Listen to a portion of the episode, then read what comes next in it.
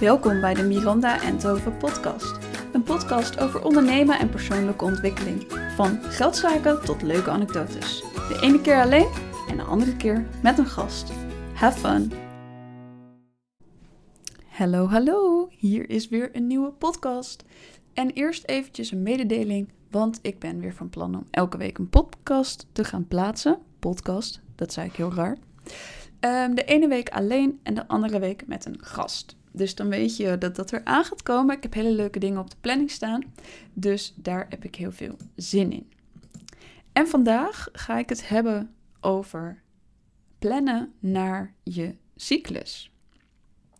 Ehm, ik had vorige week een vraagsticker geplaatst op Instagram.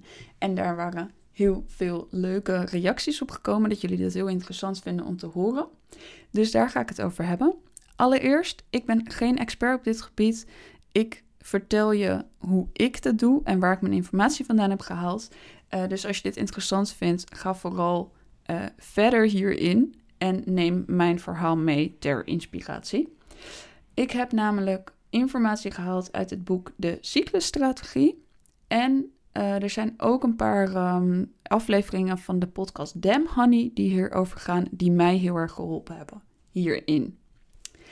En om um, maar even te beginnen waarom ik dit bedacht, is omdat ik afgelopen week ongesteld was en geen zin had in creatief werk. Ik merk dat ik in die week niet creatief ben en er ook absoluut geen zin in heb, terwijl ik eigenlijk normaal altijd zin heb in creatieve dingen, maar niet in die week. En daarom kwam ik op de gedachte dat ik wel eens goed heb gepland volgens mijn cyclus. En om dat even uit te leggen hoe je cyclus in elkaar zit, dat is wel nodig als ik deze podcast uh, daarover laat gaan. Ga ik eerst even uh, technisch uitleggen hoe het in elkaar zit. Je hebt namelijk de week na je ongesteldheid, dan groeit je baarmoeder en dan is het lente. Dan de week van je ijsprong. Je kunt het dus indelen in vier weken. De week van je ijsprong is het zomer. Daarna slinkt je baarmoederslijmvlies weer en dan is het herfst. En um, daarna, de week daarna ga je bloeden en dan is het winter. Tenzij het eitje bevrucht is, natuurlijk. En uh, zo begint dat proces natuurlijk weer van vooraf aan. En in die seizoenen kun je gaan kijken wat je fijn vindt om te doen. Bijvoorbeeld, voor mij ben ik in de lente en in de zomer ben ik het meest sociaal. Dus dan heb ik zin om sociale contacten te hebben. Ik heb zin om bijvoorbeeld podcasts op te nemen met gasten.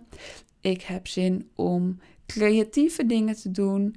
Um, lessen ontwerpen waar ik nu mee bezig ben. Maar ook een podcast opnemen en ook schilderen en ook tekenen. En allemaal dingen waarvan ik denk: ja, ja, ja, ja, daar, daar gaat nu mijn vlammetje van aan en daar heb ik nu heel veel zin in.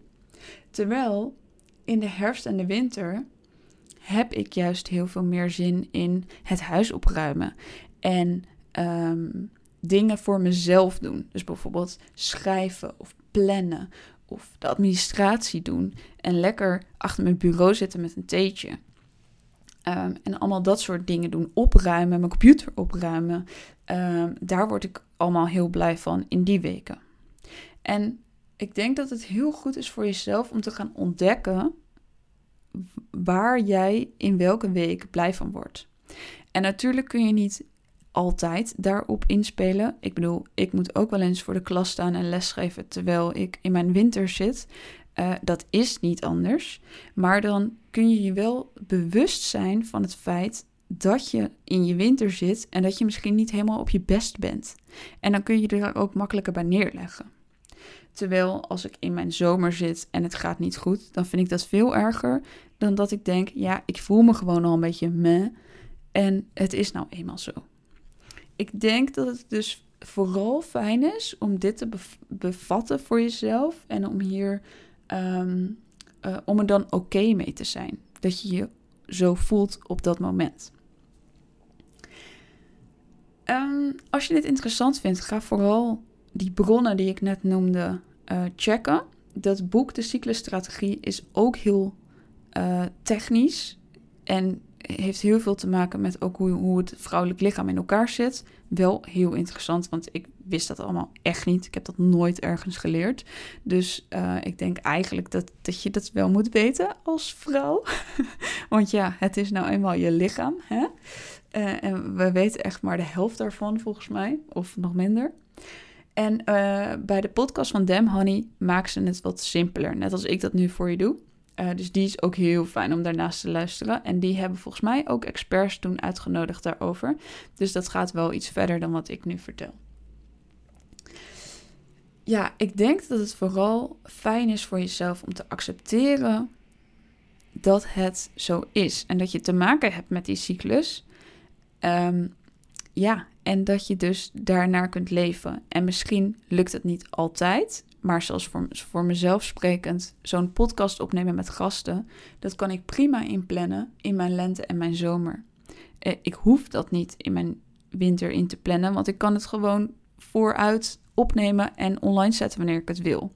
Dus als ik weet dat dit niet hoeft, dan kan ik daar ook op inspelen. En natuurlijk werken wat je doet, wat niet per se te plannen is, ja, dat is nou eenmaal zo. En dan kan je accepteren dat je je misschien even niet zo lekker voelt.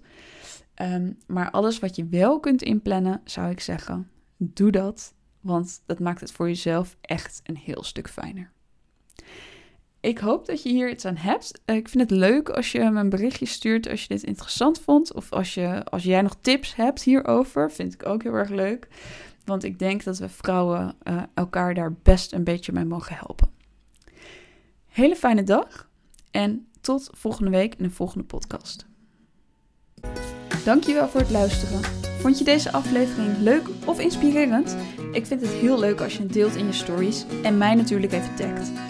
Tot de volgende podcast.